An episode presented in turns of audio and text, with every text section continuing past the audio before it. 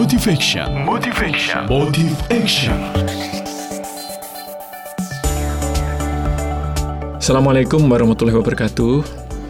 Mitra Muslim, perusahaan yang tumbuh terlalu lambat berisiko tersingkir dari pasar karena kalah dalam mindshare dan crowding effect.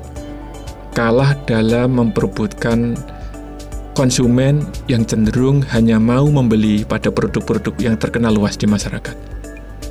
Tetapi, Perusahaan yang tumbuh terlalu cepat juga berisiko jatuh karena terlalu tingginya proporsi sumber daya manusia baru untuk kebutuhan pertumbuhan, sehingga kualitas produk dan layanannya menurun. Bagaimana seharusnya? Ya, perusahaan tidak boleh terlalu cepat, tapi juga tidak boleh terlalu lambat. Contohnya adalah Alfamart pada kuartal ketiga tahun 2016, omsetnya adalah 41,4 triliun tumbuh 18% dibanding periode yang sama tahun sebelumnya.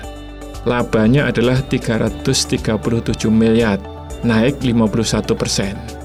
Mitra Muslim, pertumbuhan omset yang 18% ini bisa dikatakan cukup tinggi tapi juga cukup aman. Perusahaan mesti tumbuh dengan tepat untuk menghindari risiko pertumbuhan terlalu cepat atau terlalu lambat.